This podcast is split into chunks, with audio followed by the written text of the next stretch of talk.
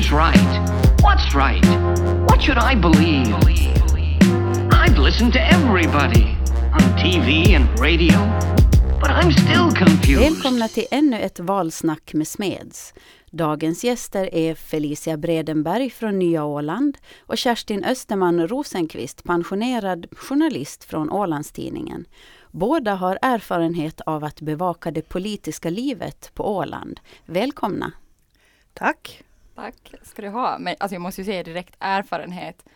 Jag är ju verkligen grön jämfört med ja, er båda två. Jo, men du har erfarenhet Felicia. Så Ja, att det, jo. mm, välkommen Tack. med den erfarenheten. What should I believe? Idag tänkte jag att vi skulle prata lite om hur en regeringsbildning går till ur en journalists synvinkel. Eh, För eh, läsare och lyssnare så läck, det läcker ut lite hemligheter här och där och det spekuleras vilka ska bli ministrar. Det kastas fram namn. Och och därför tänkte jag att vi idag skulle prata om hur journalister jobbar. Ska vi börja med dig Kerstin? Hur är det att bevaka en regeringsbildning? Ja, det är spännande förstås eftersom eh, det handlar om de människor som sitter på den högsta verkställande makten under den kommande perioden. Så det är klart att det är spännande och det som vi säkert kommer in på om en stund så, så är det åtminstone till en början ganska svårt att få ut någonting för det är mycket som är väldigt hemligt. Och, och det kan man ju förstå. Det kan ju vara känsliga saker som avhandlas, både, både personer och värderingar och, och knäckfrågor. Så de försöker väl hålla det internt så länge det går. Mm. Men spännande är det. Felicia, hur har du upplevt den här regeringsbildningen? Ja, på samma sätt skulle jag säga. Det, de har ju verkligen försökt hålla inne på informationen så länge som de har kunnat. Och sen har den ju sen sipprat ut till någon och sen har de måste bekräfta det för, för alla andra journalister som, som vill ha svar på samma frågor. Så att, men är det inte stressande att tänka, nu har vi, vi har eh, Ålands Radio, vi har Ålandstidningen, vi har Nya Åland. Är det inte stressande som journalist och hela tiden tänka att vad vet de andra och, och, ska vi, och när man hör någonting, ska vi gå ut med det här nu eller ska vi vänta tills, jag menar vi tänker att ska vi vänta tills tidningarna är i tryck? Ja, det är klart man vill ju vara först med det nyaste och det senaste. Så, så eh, stress vet jag inte, men det får vi väl alla medge att visst är det lite tävling om vem som är först. Och, och mellan medierna. Och jag tycker ju att, att eh, ja, det finns ju ett visst skvallervärde också i, i det som man så att säga kan avslöja eller spekulera i. Det kan ju vara fullständigt huvudlösa spekulationer ibland och då, då kanske man, om man är någorlunda seriös, så liksom försöker skriva det då eller tala om att det här kanske nu inte är riktigt så säkert att det blir så här, men det här har vi nu hört. Och så där att man liksom på något sätt kastar in en brasklapp. Mm. Men det är klart, man vill ju vara först med det senaste. Hur länge Felicia vågar du hålla på ett tips eller ett rykte du hör i sådana här sammanhang? Ja, lite tillbaks på det jag sa om att jag är grön. Jag har ju inte på samma sätt som, mm, som många av mina kollegor, dels på Nya Åland men också på de andra, de andra mediehusen här på, på Åland, så många källor. Och jag känner ju, jag har inte bott här så länge, jag känner inte lika mycket människor, så jag tror inte att jag personligen får på samma sätt så här, tips eller skvaller. Så det som jag hör, så känner jag att brukar ju vara rätt bekräftade uppgifter. Så jag behöver liksom inte gå och vara nervös för att, för att jag sprider något som är falskt på det sättet. Eh, eller som inte är bekräftat. Men, men det här med stressen om att man vill, att man vill vara med, och, så det, det känner jag ju verkligen igen. För man, det är ju, man vill ju vara först såklart. Mm, men känner du Felicia nu när ministrarnas namn är ute, känner du att du kan slappna av lite mera nu? Ja, ja, på ett sätt, men å andra sidan så det här är nä, nästa, nästa steg för att få se liksom hur blir regeringsprogrammet. Så det kommer ju hela tiden någonting nytt och spännande att se fram emot. Mm. Nu blir det ju riktigt spännande, för tänk om det så att säga skiter sig för något parti. Att man inte får igenom det som är ens knäckfrågor, till, till exempel Mm. hållbart initiativ. Får de igenom en klimatlag? Och får de inte igenom en klimatlag, kan de då gå med i en sån regering som inte tar till sig det som kanske var deras viktigaste fråga i valet, eller en av de viktiga frågorna i valet. Så det tycker jag är ganska spännande att se hur det sist och slutligen blir. Mm, så att spänningen är inte helt över fast vi har ministernamnen. Ingenting är hugget i sten ännu när det gäller dem. What should I believe? Varför tror ni att det måste vara så hemligt med de här förhandlingarna? Varför måste det ske bakom lyckta dörrar? Det är väl helt enkelt enligt det här gamla ordspråket att man vill inte ropa hej för man är över bäcken.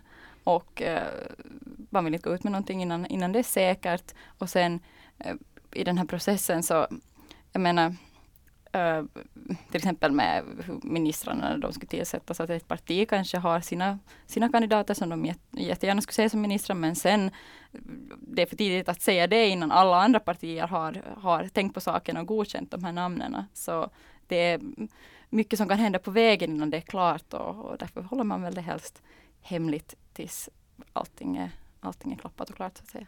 Mm. Kerstin, vad tror du? Skulle, skulle vi vinna någonting på att, att de ska vara öppnare under förhandlingarna? Ja, jag vet inte. Det, det kanske de enskilda partierna möjligen skulle kunna vinna på att man, att man så att säga som publik då hör eller läser att de har fört fram någon för dem viktig fråga som man kanske själv tycker att är viktig. Men, men som jag sa tidigare, jag tror att det kan ju finnas de här knäckfrågorna som, som jag förstår att man inte vill avslöja, precis som Felicia sa, att, att innan, innan så att säga, allting är klart så, så går man inte ut med det. Men nu vet vi ju att det finns vissa knäckfrågor på bordet, till exempel kortrutten och kommunstrukturen. Och nu, har, nu skulle det ju vara spännande att få veta lite hur landet ligger där. Men men vad, vad skulle det göra om eh, den åländska allmänheten skulle få veta att den kommande regeringen har svårt att komma överens om hur kommunreformen ska lösas? Skulle det vara ett problem? Jag menar valet är redan gjort. Eh, folk har lagt sina röster. Kan man mm, inte öppet visa nu? De kanske filar på någon kompromiss där alla så att säga får ge och ta något. Och att då liksom gå ut och, och i ett för tidigt eller i ett tidigt skede tala om vad man är villig att, så att säga, kompromissa på kan ju göra att man hamnar i en sämre position eller ens eget parti hamnar i en sämre position eller till och med en sämre dagar eller att man, är, att man är inte, inte är kompromissvillig. Det finns många liksom aspekter på det där. Så att, eh, mm, samtidigt som det naturligtvis vore roligt att veta hur mm. de funderar och tänker. Visst, det skulle vara spännande. What could I believe? Men om man tänker ur en journalists synvinkel. Om, om ni skulle få reda på att nu finns det en sån här, den här knäckfrågan, alltså en svår fråga, är kommunreformen och nu har parti A lovat att eh, de ska eh, sälja någon, eh, slänga bort någon av deras stora idéer och liksom kompromissa. Att man verkligen märker att det är ett parti som ligger i underläge och ni skulle få veta det under förhandlingarna, skulle ni gå ut med det då direkt, även om det skulle kanske ställa till, eh, förstöra hela regeringsförhandlingen? Jag skulle göra det, tror jag. Om det skulle vara en stor och viktig fråga så, så skulle jag berätta det, för det tycker jag att man ska göra som journalist. Felicia? Jag håller helt med. Alltså det beror på. Då får jag anta att det är liksom säkra uppgifter eh, som man har, man har mm. hört. Så då, då tycker jag att det finns ett, ett allmänintresse att gå ut med det och därför göra så. Så att det, man behöver inte vara orolig för då att i alla fall vi tre här skulle försöka mörka någonting. Om vi skulle få veta no, något sånt. Nej. Men eh, om man då som journalist blir kontaktad av, det, finns, det är ju många människor som, som vill kontakta eh, journalister och ge tips och berätta att det här har jag hört. Hur säker måste man vara innan man kan gå ut med det? Ofta så läser man ju och hör man liksom att, att vi erfar att mm. det är så här. Och då, är det liksom, då har man blivit tipsad om någonting. Hur säker måste man vara innan man vågar gå ut med någonting? Nej, men jag, det är väl alltid en bedömningsfråga. Uh, vad, vad, för typ av uppgifter är det? Hur, hur, känsliga uppgifter är det? Desto mer delikata uppgifter, desto, uh, eller vilka ämnen det handlar om. Uh, och det är ju liksom en journalistisk bedömning som man gör varje dag. och, och, ja, och sen är det ju också hur man presenterar det då. Att slår man upp det så här, så här är det. Då ska man ju ha torrt på fötterna, verkligen. Och sen så kan man ju lägga in liksom brasklappar då om, om man inte eh, är lika säker. Det beror ju också lite på varifrån tipset kommer. Om det kommer från från en politiker som deltar i regeringsförhandlingarna, vilket ju har hänt, så, så då kan man ju vara tämligen säker på att ingen rök utan eld, att då finns det åtminstone en del sanning i det. Sen gäller det att försöka kontrollera då uppgifter med, med andra inblandade förstås, och, eller med ja, personer som kan tänkas veta någonting om den saken innan man går ut med det. För att inte kan man ju bara på ett enskilt tips eller rykte gå ut med en sak utan då måste man ju försöka ringa en dag eller två runt och kolla. Och hålla nerverna i styr och inte vara rädd att de mm. andra är på det. Det är ju det som är det spännande med det här jobbet.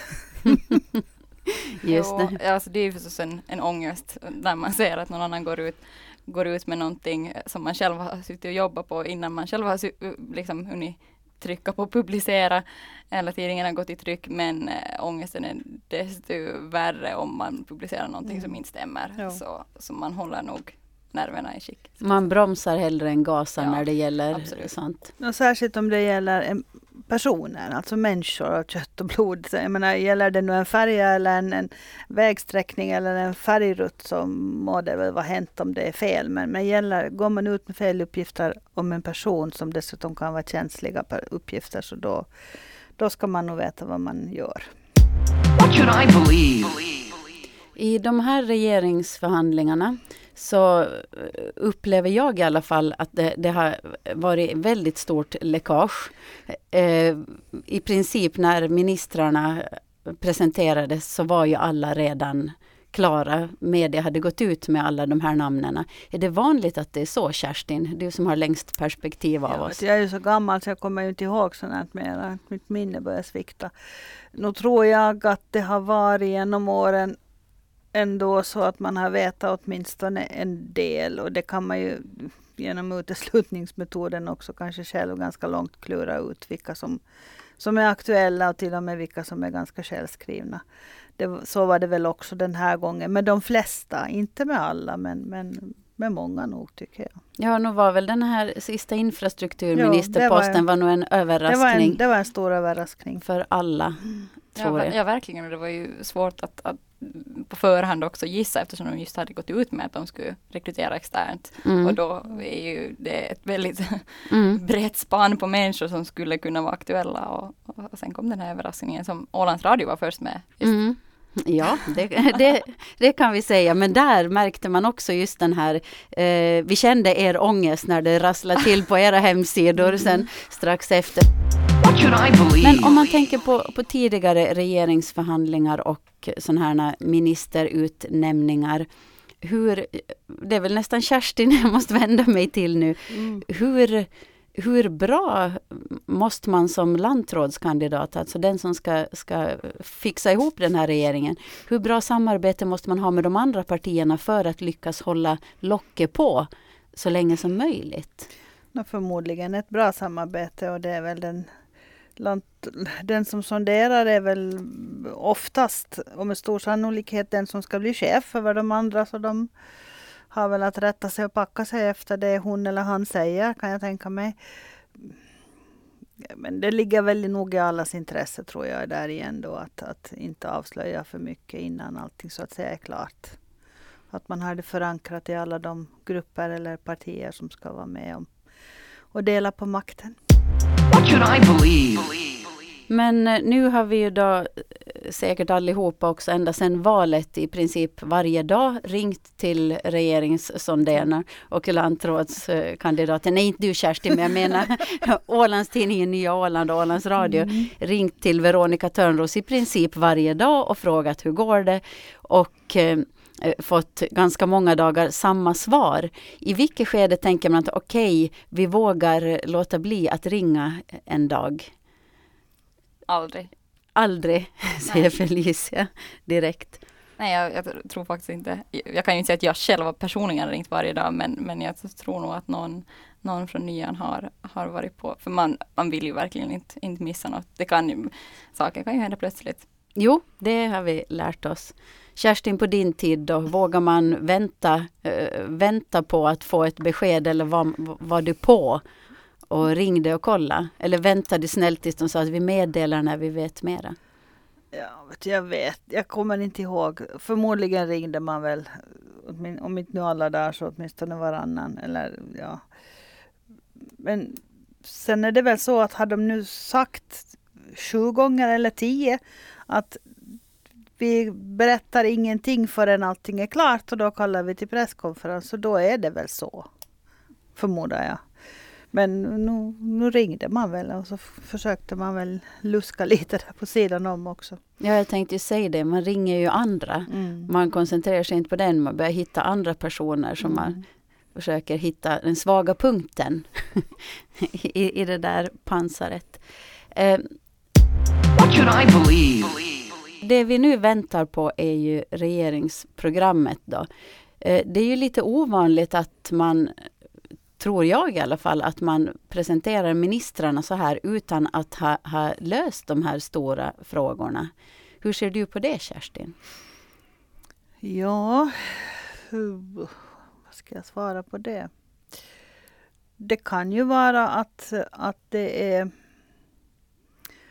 på något sätt ett, ett sätt att förvissa sig om att man måste kompromissa för att man vill ha den här regeringen, för att man tror att det här är den grupp eller det team som kan samarbeta i regeringen. Att man på något sätt ja, skapar grunden genom att presentera personerna först och programmet sen. Det kan finnas någon annan orsak också. Jag, jag, jag är som sagt inte alls inkopplad på det här så jag vet inte. Jag har ju inte pratat med regeringsförhandlaren en enda gång så jag vet ingenting om det där egentligen. Men jag skulle kunna tänka mig att det kan vara så att man på något sätt eh, bereder marken för den nya regeringen genom att så att säga låsa fast ministrarna på något sätt. Mm.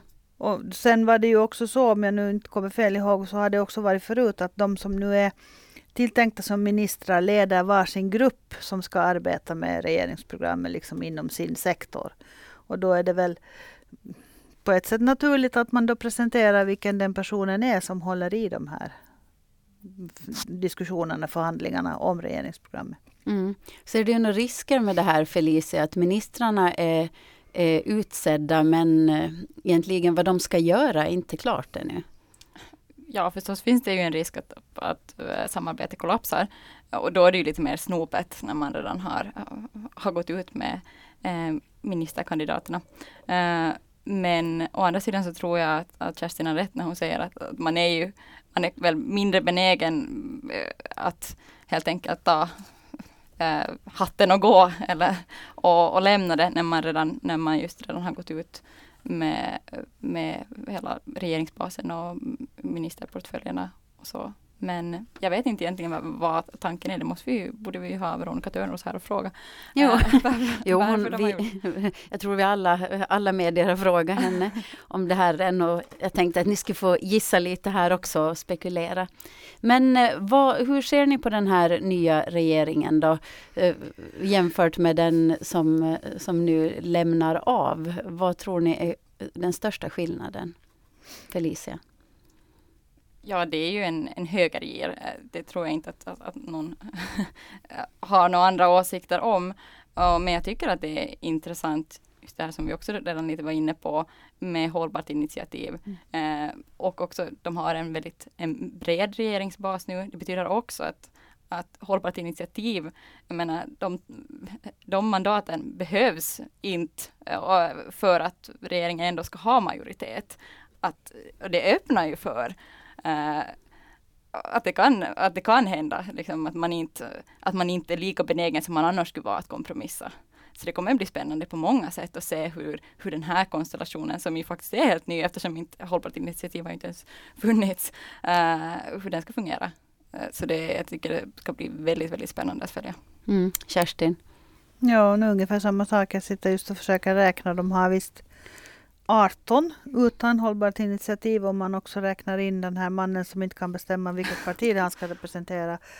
Anders Eriksson, i, Ålands framtid talar vi om. I landskapsregeringsunderlaget så har de ju 20 nu då med hållbart initiativ och 18 utan dem. Så att de, precis som Felicia säger så klarar de sig utan i. Så det kanske är HI som måste kompromissa om de vill vara med. Men jag undrar hur benägna de är. Så mm. det här är nog inte klappat och klart ännu. What should I believe? Vad tror ni, alltså hållbart initiativ, det är ändå två två gröngölingar kan man säga, som har kommit in i lagtinget och en av gröngölingarna, Alfons Röblom, ska bli minister nu. Tror ni att de klarar att stå emot de här andra partierna? Felicia? Ja, jag tror att, eh, eller jag antar att de ändå kommer att, eh, att inte bara eh, gå med på vad som helst, för att de har eh, Eh, sina väljare, som alla partier har, att stå till svars för. Men de har också välja ny, nya väljare. Det finns inte någon gammal tradition att, all, de, att man har röstat på HI som jag tror gör att, att om, om de blir besvikna så kommer de gå tillbaka till sitt gamla parti eh, vid nästa val. Eh, så jag tror absolut att de känner känner liksom sina väljare äh, i nacken och kommer att, äh, att sätta hårt mot hårt. Men liksom på andra sidan så är ju det att, att de inte behövs inom citationstecken för, för regeringsbasen. Mm. Och jag tror inte att man ska avfärda de här två HI-killarna heller för att Alfons Röblom har jobbat i EU-parlamentet och Simon Holmström har ju menar, han, han må vara oerfaren i lagtinget men han har ju jobbat med de här frågorna länge. Och, och nu senast var han visst både i Sankt Petersburg och Moskva och föreläste om, om hållbarhet. Så inte är det ju några småpojkar som, som går in där utan nu vet de vad de talar om och jag tror att de också vet eh, hur långt de kan gå och vad de kan kräva och jag tror inte att de blir så enkla att tas med. Det sa ju Veronica Törnros faktiskt när, när, nu kommer jag inte ihåg om det var regeringspartierna presenterades ja, eller minister, partierna ja. presenterades, så sa hon att hon hade trott att, att Alfons Röblom och Simon Holmström var två beskedliga mm. små pojkar som hon skulle ha att göras med och det visade sig att hon hade väldigt fel. Det tror jag. Så att eh, vi får se hur hårt de kan sätta mot hårt. Men hur, hur stor tror ni drivkraften är för ett parti att, att eh, vilja bli med i regeringen? Att man kompromissar bort sina viktiga saker för att man ska få en ministerpost eller få vara med i majoriteten? Men det är ju regeringen man får någonting uträttat. Som ett litet oppositionsparti med två platser i, lands, i lagtinget utan regeringspost eh, så kan du inte åstadkomma någonting. Du, du är en liten fläck i, i oppositionen. Eller, inte, men jag menar inget negativt nu. Men det, det, är naturligtvis så att, att alla som ställer upp vill in i landskapsregeringen. Det tror jag. Nästan alla i alla fall. Så, så, för att det är ju där man så att säga uträttar någonting. Så men om man då kompromissar bort sina viktigaste frågor? Ja, det bara tror jag inte att de gör. Nej, nu pratar jag inte bara om nej, hållbart nej, initiativ okay. utan om vilket parti som mm. helst. Det var absolut inte... Mm, nej, okay. Jag bara bytte ämne lite osmidigt där. Alltså om man tänker vilket parti som helst, hur viktigt är det? Alltså det där är en balansgång som mm. säkert ger dem huvudbry. Att uh, hur just man vill, man vill ha makt och det är också det som, som ens väljare vill att man ska ta. Men samtidigt, hur uppfyller man uh, tillräckligt mycket av sin egen politik och vad kan man ta av av då samarbetspartiernas eh, önskemål. Eh, så absolut, men jag tänker att ja, vi pratar ju inte bara om hållbart initiativ här, men också Moderaterna till exempel med tanke mm. på eh, då eh, skärgårdstrafiken nu i framtiden. Kommer de att, att kunna byta fot till exempel? Och är, är det, men vad får de istället i så fall? Alltså det, de här frågorna gäller samtliga. Och hur ska de kunna gå med på att vi ska ha 17 eller 18 kommuner när de var inne för att vi ska ha fyra mm. under den förra perioden. Så det blir också intressant att se. Ja, där var ju det när man tänkte med Liberalerna och mm. Socialdemokraterna som nu då valde, ena valde och andra vet vi inte riktigt hur frivilligt det var att hamna i opposition. Att hur kan man ingå i en regering där, som har gått emot mm. precis allt vad man har åstadkommit under fyra år. Mm. Att då, är- då är ju frågan och, som, som ålänningarna lite spekulerar i, att hur makthungrig är man? Eller hur mycket kappvändare är man? Nu Mm. ska vi väl inte säga att Moderaterna är kappvändare men, men, men vi får se när, när regeringsprogrammet kommer om vi kan kalla dem kappvändare eller något annat. Kanske de har fått igenom någonting. Mm. För att Moderaterna är ju det enda av de tidigare regering, regeringspartierna som blir med i regeringen. Vi har inte nämnt det här nu, men det är ju Centern, Obunden Samling, Hållbart Initiativ och sen eh, Ålands Framtids Anders Eriksson är ju stöder regeringen. Och Moderaterna. Jo, och Moderaterna förutom det här då. Så att vi har ju en bred regering. What should I believe? Får jag slänga ut en fråga? Jo, Vet vi vad, vad Ålands framtid har fått eller kommer att få i det här regeringssamarbetet? De fick ju ingen ministerpost men Det vet vi inte ännu. Eh, Pia Eriksson som var partiledare sa att de hoppas ju på att få vara med och diskutera den här självstyrelsens utveckling. mm, Att de får, det är det de hoppas på. Och i och med att han stannar kvar där så får de ju pengar. Mm, partistödet. Jo, jo ju- förstås. Jag menar Mm. utan det så skulle de väl kanske... Nej, nej, nej, men bara att de, att han, de har lovat sitt stöd till regeringen. Jo, och tänker vet, att de måste. Jo, jo, Mm. okej. kunna Mm. få någonting Mm. från regeringen. Ja, man får verkligen hoppas att de får någonting också för att de stöder. Intressant vad. Mm. Jo, nåja, men så småningom ska vi få ett regeringsprogram också och då får vi se vem som har kompromissat om vad och hur många kommuner vi ska ha. Ska vi ta oss till Föglöv med el eller under eh, i marken eller hur det ska gå de här kommande fyra åren. Tusen tack Kerstin Österman Rosenqvist och tusen tack, tax, tack Tusen tack Felicia Bredenberg för att ni kom. Tack ska du ha. Tack, tack. Who's right? What's right? What should I believe? I've listened to everybody on TV and radio, but I'm still confused.